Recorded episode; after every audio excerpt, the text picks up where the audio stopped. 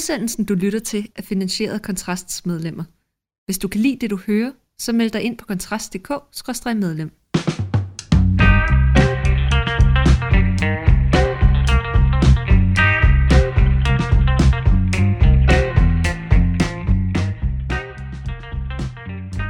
Så er vi endelig tilbage med Fyraften med Kontrast, som vores trofaste betalende medlemmer naturligvis ved, så rendte vi ind i uoverstigelige logistiske problemer i forbindelse med eksekveringen af Fyraften sidste uge, men vi er stærkt tilbage, og mig og Rasmus har svoret en ed underskrevet med blod om, at vi laver tre Fyraftener i den her uge. Og øh, jeg hedder som altid Mikkel Andersen, og med mig i studiet, som det fremgår, er Rasmus Ulstrup.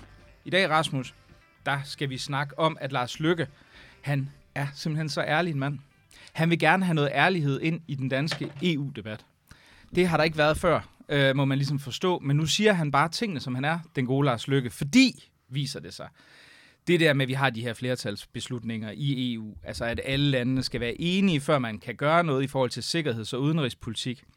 Ej, det er tiden er at skulle løbe fra det, Rasmus. Ja, og det er, altså, det er sjovt, han siger, at det er på tide, der kommer ærlighed ind i det, for i virkeligheden er det der jo det, der er pisse uærligt, fordi hele argumentet jo, da vi havde øh, afstemning om forsvarsforbeholdet, var jo, at vi jo ikke tvunget, altså udenrigspolitikken har vi jo fuldstændig selv Det har vi nemlig. magt over, fordi vi kan jo bare nedlægge veto, vi kan jo bare Ja. sige nej. Vi har godt nok aldrig brugt det veto. Nej. Nogensinde. Men argumentet, nogen- men argumentet var jo, når, altså når vi, vi, vi kørte jo en fin ja. kampagne, synes jeg, fra, fra Kontrast side, øh, hvor vi havde mange gode, kloge mennesker, der, der bidrog med, hvorfor man skulle sige, øh, øh, altså man ikke skulle afskaffe øh, forsvarsforbeholdet. Og, og det var jo, at, at, at, at de andre sagde så, nej, men man kan jo altid sige nej. Så i virkeligheden er det her bare, altså det giver os bare flere muligheder. Det var bare en lille bitte ting. Ja, ja. ja ikke? og så kommer Lars Lykke selvfølgelig, hvor lang tid er der gået? Det er vel et år siden nu? Ja, det mener jeg Lidt et år måske. Hvor han så siger, Jamen, det der med, at man kan sige, nej, lad os afskaffe det. Ja, selvfølgelig. Og så bruger han det, det argument, at, at det er på tide med ærlighed i Ja. EU-politikken. Det er da det mest uærlige. Men det er jo, altså, det er, det er jo vildt fascinerende, fordi jeg sad jo, og jeg sagde jo bogstaveligt talt, det her kommer til at ske. Ja. Fordi selvfølgelig gør det det, og det gør jeg, det, det er jo ikke, fordi jeg er en fantastisk, hyperintelligent profet. Det kan meget vel være, men det var nu ikke, det var nu ikke derfor, men fordi det er så åbenlyst. Ja. Altså selvfølgelig, fordi man kan sige fra et rent beslutningsmæssigt perspektiv, hvis man har en idé om, at EU skal gå i retning af, af en eller anden form for føderationslignende struktur, og det er jo det, som en stor del af fortaleren for EU for evigt har ønsket, og, øh, og jo i øvrigt, hvis man tager til lande som Frankrig øh, og forskellige andre europæiske, så er det jo også noget, man er meget tydelig omkring. Altså, der har man jo aldrig rigtig lyst til at sige det til danskerne. Fordi det er klart, at hvis du sidder og er de her øh, 27-28 lande, der skal træffe en eller anden beslutning i forhold til at gøre et eller andet handlekraftigt udenrigspolitisk, så er det noget frygteligt bøvl. Det er jo ligesom Christianias fællesmøde, hvor alle skal sidde og være enige, bortset fra, at det er bare nogle øh, markant mindre skæve og i øvrigt højt uddannede mennesker, der sidder og skal gøre det på EU-plan. Og det er ikke sikkert på at gøre det nemmere i øvrigt, ikke? Nej, altså, og så er der altså også bare det, og jeg ved godt, man siger, at det handler om at snakke idéer og struktur og alt muligt. Lars Lykke som type har altid været meget optaget af, hvad hans udenlandske kollegaer synes om Danmark. Altså, altså der er også et, et åh, det lyder så groft og motivundersøgende, øh, undersøgende, men Lars Lykke bryder sig heller ikke om at være udenrigsminister, ikke at være med i det gode selskab. Nej. Altså, altså han kan godt lide at hæve sig over. På den måde er han lidt ligesom radikale i indrigspolitik, der vil hæve sig over ideologier og sige, vi taler bare sund fornuft. På samme måde er Lars Lykke i udenrigspolitik, og når det kommer til internationale relationer, altid sådan lidt, kan vi ikke tage det der sådan lidt irriterende småborgerlige danskhed, og så, og så øh, drop nu det, ikke? fordi nu sidder vi ved, de store, ved bordet med de store herrer, og der skal vi være fuldt og fast med, så han også kan være med i det gode selskab. Ikke? Den ligger altid gemt i ham. Altså det må jeg indrømme, det synes mm. jeg altså, den gør.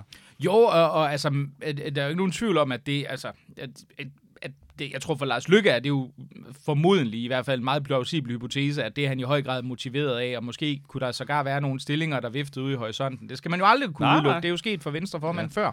Men, men jeg synes jo, det, det, det jeg måske synes, der er, altså, er interessant, det er, at han, han lancerer det her i forbindelse med sådan et udspil fra regeringen, det store udenrigspolitiske udspil, der bliver lanceret, hvis jeg husker rigtigt, i morgen, altså onsdag. Øhm, og, der, og der bliver det jo luftet. Og det, og det han gør her, hvis vi skal kigge på det, det er jo, fordi de siger også, ja, men de tager ikke nogen endelige beslutninger. De er med i en spændende følgegruppe sammen med nogle andre lande, der skal diskutere det her.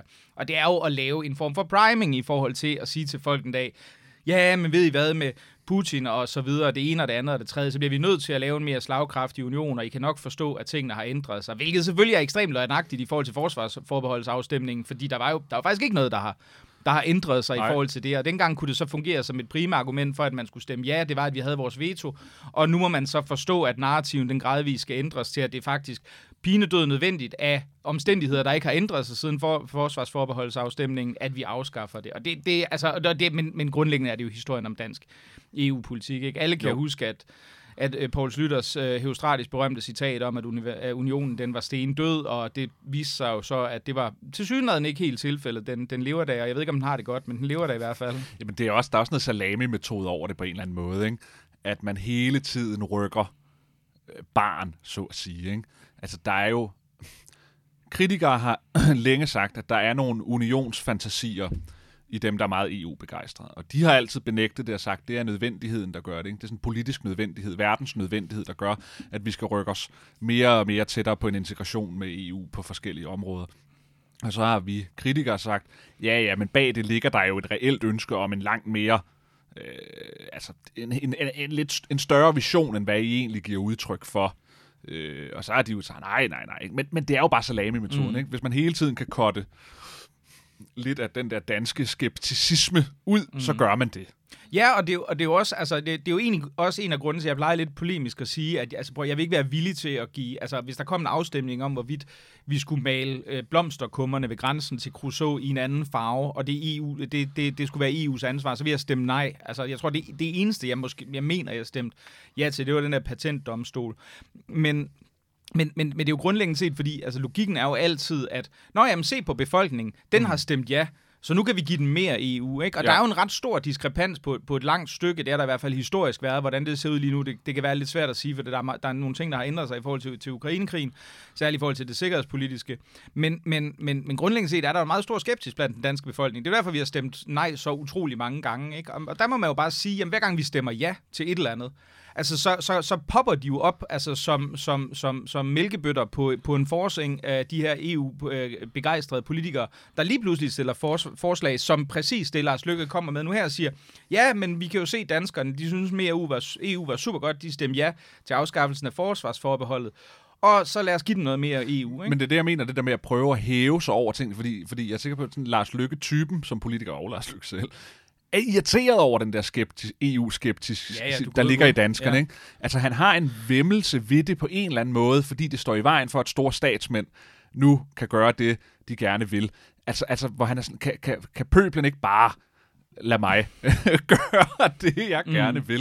Ikke? Og det er derfor, han nu siger, altså han melder så at sige krig mod, mod de EU-skeptiske danskere. Ikke? Det, det, det, vi skal ændre lidt i vores mentalitet, så vi forstår ting. Ikke? Og det er jo ligesom, han synes også folk, der er imod afskaffelsen af stor bededag. Ikke? Det er også irriterende, fordi de, de, de ligesom sådan, der sætter sådan en pind ind i hjulet. Ikke? Hvor han Kan I ikke bare lade være med at sætte mm. den der pind ind i hjulet, og så acceptere, at vi skal arbejde noget mere, så jeg kan få mine, mine reformer øh, gennemført. Ikke? Det er en manglende disrespekt mm. for, at folk har politiske visioner, der modstrider de politiske visioner, han selv har. Mm. Og der er det jo så skønt med sådan noget som EU og andet, det er, at hvis man først kan få, hvad kan man sige, få afskaffet nogle forbehold, så kan man faktisk også se bort fra den form for skepsis, mm. der eksisterer. Det er, jo derfor, man, det er jo derfor, folk elsker altså antidemokratiske kræfter sådan på venstrefløjen og, og også i sådan radikale lag og andet, ønsker jo hele tiden at lægge mere og mere magt til EU. Hvorfor? Fordi så kan de hæve sig over demokratiet. Altså, så kan de hæve sig over, at pøblen også har noget at skulle have sagt. Det er derfor, de elsker EU-direktiver. Ikke? Fordi, Jo, fordi så er det jo ligegyldigt, hvad vi synes herhjemme, fordi så kommer der en højere magt og, og propper det ned i halsen på os. Ikke? Jo, og så vel også fordi, hvis man kigger på det fra et særligt et, et radikale venstre perspektiv, så vil en nøgtern, øh, hvad kan man sige, sådan analyse jo tilsige, at den politik, der kommer fra EU, tit er sådan noget pro-globalistisk, øh, mm. værdipolitisk venstreorienteret, øh, pro-embedsmands, øh, lige præcis nødvendighedens politikagtigt halløj, så det, det giver jo meget god mening. Altså, Ja, hvis ja, man så kan klart. sige, jamen, altså, hvis man kan overla- altså, overlade det til nogle ligesindede øh, øh, og føre den politik, som, øh, som Folketinget måske øh, i nogle henseender er lidt fodslæbende i forhold til, så vil det da være dejligt, ikke? Ja, og, og jeg må sige, jeg, jeg, jeg undrer mig, eller jeg ved ikke, om jeg undrer mig, men jeg synes, det er overraskende, at i en tid, hvor politik bliver mere og mere polariseret, altså det bliver mere og mere sådan gruppe over for gruppe, hvis man kan sige det sådan, at der alligevel er så stor slagkraft i den her form for midterposition, der netop, midterposition er jo, alt, er, jo ikke, er jo ikke kendetegnet ved, hvad man intuitivt tror, en blanding af højre og venstre. Midterpositionen er kendetegnet ved at ophæve højre og venstre. Den tager den tredje vej, nødvendighedens vej, den fornuftige vej, hvad, hvad, altså kald det, hvad du vil. Ikke? Og det er bare interessant, synes jeg, at når vi på alle mulige andre sådan, politiske stridspunkter øh, placeres mere og mere i, i, i hver sin skyttegrav, hvis man skal sige det sådan, at der alligevel er så meget blindhed inde på midten fra de her typer, som Lars Lykke, der, der, der bliver ved med at ville altså der finder det irriterende, eller der bliver ved med at tro, at det bare er en overgang, at folk er politiske, og så skal de nok komme til fornuft på en eller anden måde, og så se den store øh, sandhed udstrømme af, af embedsværket. Eller altså sådan, giver mm. det mening? Det er, Ja, at, at, at, at det, det er utroligt, at de aldrig bliver klogere, Mm, mm. de her mennesker inde på midten. Ja. Men altså, ja, know, man kan jo sige for Lars Lykke ind til, til for nylig, er det jo gået godt, meget godt med hans projekt. Ikke? Han fik Jo, jo. banket et, et, øh, altså et, et parti op fra ingenting og mobiliseret de vælgere til, til, til hvad, lidt under 10 procent. Nu er de så selvfølgelig ærgerligt for moderaterne, men det ser ud som om, det går lidt ned ad bakke i meningsmålingerne. De har ramt deres laveste måling indtil videre i dag. Ja, på Øh, 6,3. seks- Jeg tror faktisk, det var mindre. Jeg tror, det var 6 ren, men det må I ikke hænge Ja, op på. Der Men ligger der var i hvert fald, altså de var gået 33 procent ned. ja, tilbage. Altså ja. fra 9 et eller andet til Ja, 6, lige ikke? Så de har mistet en tredjedel af Ja, det. Og det har nok noget med Jon Steffensen at gøre, kunne man Der er, øh, nok, forestille der sig. er nok nogle gode Fordi jeg er bange for, at det har ikke noget at gøre med Lars Løkke, han, øh, hans politik. Nej, det, det, det, det tror jeg heller ikke. Jeg tror, han har, han har fint fat i det, altså i det segment, som, øh, som, som og, det, og det findes jo altså, det her urbane, øh, sådan let lyseblå segment, der egentlig synes, ja. at, at alle de reaktionære holdninger, som vi har til identitetspolitik og så videre, det er også alt for galt, fordi vi skal da føre noget mere af, af fornuften og nødvendighedens Ja. politik, og få lidt mere EU ind over. Og så altså man kan altid genkende sådan en radikal type på, øh, på et værtshus, hvis man har en politisk diskussion. Hvis man sidder med en reel venstreorienteret diskuterer, det kan være indvandringspolitik, det kan være hvad som helst, så er der en reel modsat position, og så kan man sidde og diskutere den position. Og den radikale kender man altid i samtalen ved, at den radikale siger, jeg synes slet ikke, det er interessant. Eller, mm. ah, jeg synes, det er ufornuftigt det, det overhovedet at beskæftige sig med de ting, fordi de er på et helt andet stadie. Ikke? Altså, Ja. altså de, de, de siger, at spillebanen er faktisk slet ikke den spillebane, Nej. I står og spiller på. Den er et helt andet sted, som kun øh, øh, sådan begavede radikale mennesker Men det er også, kan se. det er, ikke alene er det uinteressant, det er også lidt banalt. Ja, lidt, det er lidt banalt. vulgært. Ja, det er det, er sådan noget, det er sådan noget, som du ved, altså øh, bø- bøblen ligesom Ja. forlyster sig med i deres bitte små hjerner, ikke? hvor der er to møtrikker, der rasler ind imod hinanden, Yep. og hvor de så siger et eller andet, der sikkert lyder som noget, Jamen, jeg kan, huske, jeg kan huske, vi sad på en bar, det lyder næsten som sådan en god øh, lignende. Så vi sad på en bar, mig og så en meget liberal, og så en tredje, der var radikal. Og mig og den liberale, vi sad og diskuterede meget, meget øh, hårdt i forhold til indvandring, altså på nogle øh, principielle områder, og, og var uenige og kunne diskutere rigtig godt. Og den radikale, han affarede ligesom diskussionen ved at sige, jeg synes, det er uinteressant for mig at bruge tid på den diskussion. Ja, Nå, okay, ikke? så var vi andre for, at det var, det var under hans værdighed. præcis. Ikke? Men sandheden er jo bare, uanset hvordan han synes, det er under eller over hans værdighed, så har det betydning, mm. det spørgsmål. Og det er jo det, de altid, det er jo en løgn, når de tror, at de altid kan hæve sig over den politiske uenighed. Fordi politisk uenighed bunder i konkrete værdier, konkrete forståelser af, af, hvordan samfundet skal, hæve, skal, skal være, og det kan man ikke hæve sig over, uanset hvor meget de prøver. Men de kan åbenbart, over 10 efter år 10, kan de lykkes med at blive folk, end de kan hæve sig over det. Ja, altså man må sige, og det, og det uheldige er jo så også, altså i forhold til sådan nogle EU-spørgsmål her, ikke, at det er jo, at, at hvis vi skal være sådan meget nøgterne, så er det jo ikke noget, der optager, altså udenrigspolitik groft sagt, nej, optager med meget få undtagelser, optager faktisk ikke danskerne overhovedet. Det er ikke noget, du vinder valg på, det er ikke noget, du taber valg på. Det er bare noget, der er der. Altså hvis man tvivler på, og det gælder jo, der, uanset hvad det er, der var altså Lars, øh, eller Anders Fogh Rasmussen, øh, altså der var jo, ikke- jeg ved ikke, hvor mange medier, der var efter ham, og Bo Elkær fra, fra Ekstrabladet, og alle mulige andre, der sagde, at vi gik i krig på en løgn, og alt muligt andet, og Afghanistan, og der, altså, der er aldrig nogen øh, udenrigspolitiske emner, der for alvor har indflydelse. Og det er, og det er, måske kan man også sige, der var en vis sådan snus fornuftig rationale i det, fordi Danmark er en lille stat, vi har ikke så meget indflydelse på det. Problemet er bare, selvfølgelig i forhold til EU, at det har faktisk ret stor betydning, mm. og der er ikke nogen, der, der går særlig meget op i det, og jeg tror, mange har sådan en idé om, at når det er noget, man ikke går særlig meget op i, i virkeligheden, så kan der godt være sådan nogle reaktionære kældermennesker, som også som synes, det er super vigtigt af principielle grunde. Men jeg tror, de fleste tænker, nå jamen, jeg stemmer nok bare det samme som mit parti i mange Ja. sammenhænge, fordi det har de sikkert meget godt styr på, og who knows med kom- kommissionen og ministerrådet og parlamentet, og hvad er forskellen egentlig, Ja. og who knows. Altså, Altså, ja. altså jeg kan ikke engang, altså hvis jeg blev spurgt om natten kl. 3, når jeg blev ved, og så jeg skulle redegøre for processen for, hvordan de tre forskellige råd og parlamenter og kommissioner og ministre, hvordan det hænger sammen, og hvordan det er, det i sidste ende bliver spyttet ud og implementeret i landet, så vil jeg også sidde til, øh, øh, hvordan er det nu egentlig lige, de der ting hænger sammen. ja, ja. Men, men, men problemet, synes jeg jo bare er, hvis vi skal sådan tale de reelle, fordi det er jo selvfølgelig altid sjovt at hvad det hedder, motivanalysere Lars Lykke, det, det kan man jo få mange en podcast til at gå med, men, men jeg synes, det interessante, substantielle i det her er jo, hvis vi kigger på, og det sjove er jo, de fremhæver netop Ukrainekrigen som argumentet for, nu skal vi have mere magt ned til EU, fordi så kan vi ligesom sørge for at koordinere vores indsats og stå sammen. Ikke? Og der tænker jeg lidt på, hvis, hvis vi nu havde forestillet os, at det faktisk var EU, som skulle have ageret som en samlet blok, hvem måtte man så have forventet i, i forbindelse med Ukraine, invasionen af Ukraine, hvem det så havde været, der havde været det toneangivende? Ikke? Det havde så været Fransk, Frankrig og ja. Tyskland, naturligvis, og måske også Italien, men det gør ikke den store forskel i den her sammenhæng. Og der må man jo bare sige, at det var jo suverænt helt suverænt, langt ind i processen, de mest fodslæbende lande. Og Macron virker jo udenrigspolitisk. Altså ikke alene har han haft de her tragikomiske opkald, hvor han ligesom har forsøgt at, at, at bruge sin ikke eksisterende imperiale øh, øh, influence til at påvirke Putin, hvilket selvfølgelig er blevet øh, altså, mislykket i sin hver henseende, for uden at være ekstremt komisk. Mens tyskerne jo var sådan i det lange første stykke tid, det var sådan noget med, hvis de endelig sendte noget afsted, så var det sådan plaster og hjelme eller sådan et eller andet. Ikke? Vi skal være klar over, at dem, der har gjort, at vi har fået et ansvarligt øh, hvad kan man sige, et ansvarligt svar på, på, på Putins invasion af Ukraine, det er Storbritannien, ja.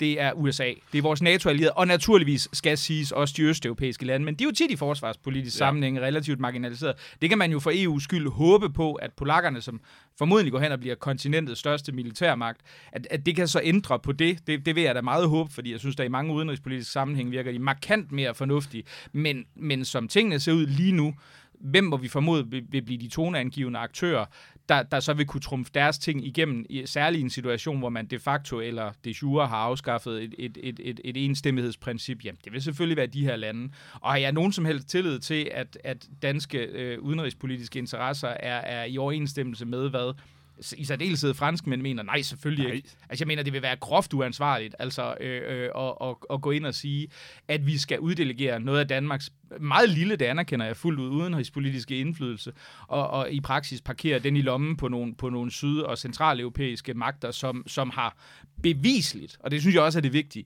som bevisligt har været ekstremt uansvarlige. Vi skal jo huske i forhold til, til for eksempel Ukraine, altså selv Trump var jo markant mere, uanset alle hans skøre pro-putinistiske, den politik, han faktisk førte i forhold til at støtte ukrainerne med våben, hvad man gjorde ganske meget, og også i forhold til at sige til både danskerne og tyskerne, at måske skulle I lade være med at gøre jer selv energipolitisk afhængige af Gazprom-rørledninger øh, øh, igennem Østersøen. Nu er de jo så sprunget i luften, luften og hun også, hvem der gjorde det, det er et helt andet spørgsmål. Men, men altså, det, det er de magter, det er de stormagter, som, som i, i allerhøjeste grad vil blive de dagsordenssættende, og som altså Lars Lykke synes, at det vil være, det, ja. til synligheden være super fint. Altså franskmændene har, nu siger det, altså, franskmændene lider et eller andet mindre værd over ikke at være, hvad de var engang. Og de vil så gerne øh, tro, de har mere at sige i den her verden her, end de egentlig har hvad er det Henrik Dahl, han plejer at sige, de har, sådan, de har imperiale fantomsmerter, mange af de her store tidligere imperier, ikke? altså blandt andet Putin, ikke? Men, men det ligger der altså også lidt i franskmænd. Altså der er sådan mm. en idé om, at de er øh, store store verdensherskere i verden, og det er de bare ikke. Altså, men de vil meget gerne. Ja, ja, ja. Jo, jo, og der er jo alle mulige, altså hvis, hvis man, som jeg har interesseret for, hvad der foregik i folkedrabet i Rwanda, og, og læser lidt om, hvad franskmændenes rolle var, altså de vælger jo nærmest først sådan karikeret sagt, ikke alene træner de selve folkemorderne i, i form for den her uh, øh, Hutu-dominerede her, men, men, men da de så endelig vælger at intervenere efter de her 100 dage, hvor der er blevet dræbt omkring 600.000 mennesker, det de så intervenerer i forhold til, det er Tutsi-tropperne, altså det er den, nu, det nu, den nuværende leders oprørsstyrker, Paul Kagames oprørsstyrker, de forfølger gerningsmændene ind i, så vidt jeg husker, Kongo, det må jeg ikke hænge mig op på. Og på det her tidspunkt, da, da de her, øh, øh, hvad kan man sige, den etniske gruppe, der har været udsat for folkedrab, begynder at forfølge gerningsmændene, så er franskmændene sådan, hør hov, nu må vi da nok hellere intervenere, ikke, mens de har siddet og, og, og, altså, og trillet tommelfinger og gjort nærmest ingenting. Og lejlighedsvis også det, der måske er værre i forhold til det her. Ikke? Altså jeg er sådan lidt, altså jeg sidder og tænker, ja, og det er kun et eksempel ud af, af, af, af overraskende mange, hvor jeg sidder og tænker, det kan godt være, at USA begår udenrigspolitiske fejl. Det burde være relativt åbenlyst. Men jeg er ikke sikker på, at vi har lyst til at komme ind i en union, hvor, hvor det bliver franskmændenes udenrigspolitiske fejl, vi skal indrulleres i i stedet. For der vil jeg nok foretrække at, at være allieret med amerikanernes altså, fejl. Macron, han skal bare hæve pensionsalderen inde i sit eget land. Ikke? Og det er det, han skal tage sig af som øh, præsident. Og så skal han overlade alt det andet til de øvrige medlemsstater, at kunne sige nej til det, de ikke vil. Og det skal Lars Løkke også til at forstå. så det, du siger, er grundlæggende set, at før Macron begynder at skabe fred i andre lande, så skulle han måske overveje... Skulle han måske få styr på sit eget. for, for at hæve undtagelsestilstanden og, og stoppe strækkerne i Frankrig. Og det kunne jo også være et, et omfattende, omfattende og langsigtet projekt. Så mange var ordene i, uh, i dagens udgave af Fyraften med Kontrast. Mikkel Andresen ved den ene mikrofon, Rasmus Ulstrup ved den anden, og Kontrasts medlemmer betaler gildet på kontrast.dk-medlem, hvor du naturligvis skal ind og indsaste dine kreditkortoplysninger, hvis du ikke allerede har gjort det. Tusind tak, fordi du lyttede med.